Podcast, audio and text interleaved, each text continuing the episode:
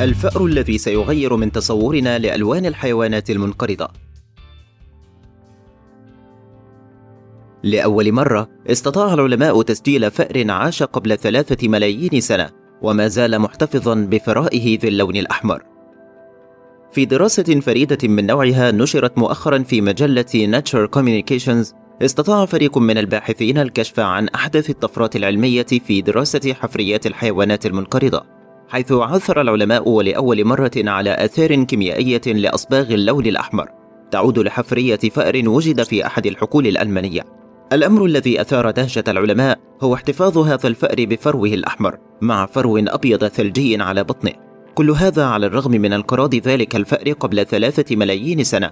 فهل يمكننا القول أننا على وشك البدء في مرحلة جديدة من مراحل تسجيل الخرائط الأحفورية؟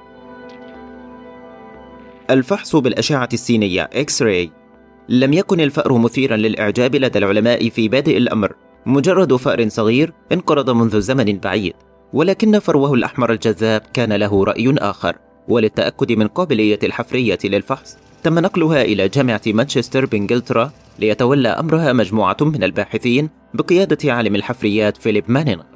أخضع الفأر لاختبارات الأشعة السينية للتأكد من سلامة الهيكل العظمي وباقي أجزاء الفأر المهمة وبعد انتهاء الكشف بدت ملامح الدهشة ظاهرة على وجه العلماء بعد رؤيتهم لنتائج التصوير بالأشعة السينية والتي كانت مبهمة ومحيرة بشكل كبير لم يكن في وسع العلماء بعد رؤيتهم لنتائج الفحص سوى الاتفاق على تسمية هذا الفأر بالفأر العظيم ولكن ما الذي فعله هذا الفأر ليستحق هذا اللقب؟ وما الشيء الذي أثار دهشة الباحثين وزاد من فضولهم؟ الفأر العظيم ظل الفأر محتفظا بتفاصيل مذهلة تماما فكان بإمكانهم التعرف على جميع أجزاء هيكله العظمي تقريبا ومعظم الأنسجة الرخوية في الرأس والقدمين والذيل حتى إنهم استطاعوا معرفة نوعه والذي يسمى أبو ديموس أتافوس وذلك بناء على تلك المعلومات والنتائج المدهشة واتضح من نتائج الأشعة السينية أيضا أنه احتفظ بمعلومات كيميائية وحيوية كانت مهمة للغاية في عملية الفحص. ولكن عندما يتعلق الأمر بلون فرائه الأحمر الثمين فإن الأمور تصبح أكثر أهمية وأكثر تعقيدا بكثير.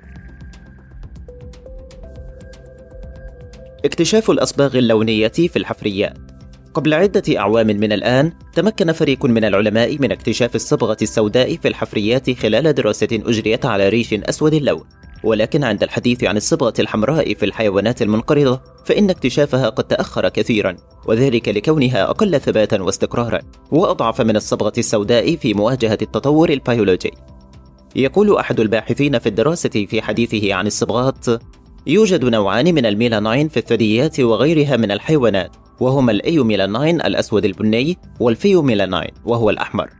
أهمية هذا الاكتشاف لا تكمن في حقيقة أن الفأر الذي وجدناه يملك هذه الصبغة الحمراء ولكن تكمن في حقيقة أننا تمكنا من التعرف عليها في حفرية عمرها ثلاثة ملايين عام.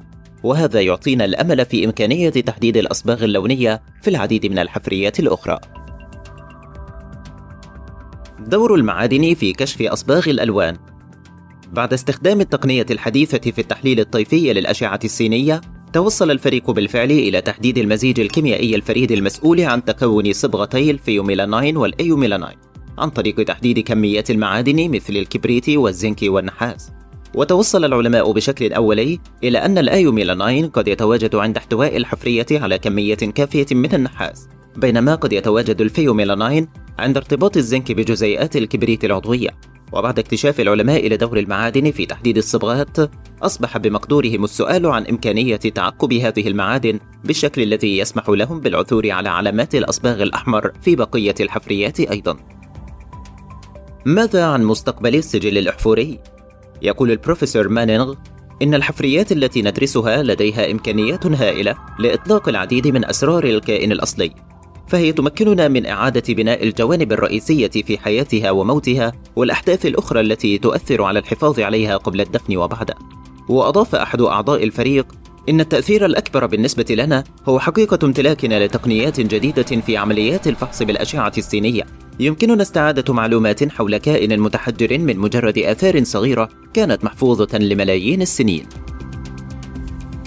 خاتمة اعتاد علماء الحفريات في تحديدهم لألوان الحيوانات المنقرضة أو القديمة على العمليات التخمينية أو عن طريق إيجاد الرابطة بينها وبين أسلافها للتنبؤ بألوان بعض أعضائها ولكن مع استخدام التقنيات الحديثة في مجال الأشعة السينية التي تمتاز بالحفاظ على الحفريات الثمينة دون المساس بها، يمكننا القول بأننا نستطيع إعادة بناء بعض السجل الأحفوري ببيانات موثوقة ومؤكدة، بعيدا عن الافتراضات والتنبؤات.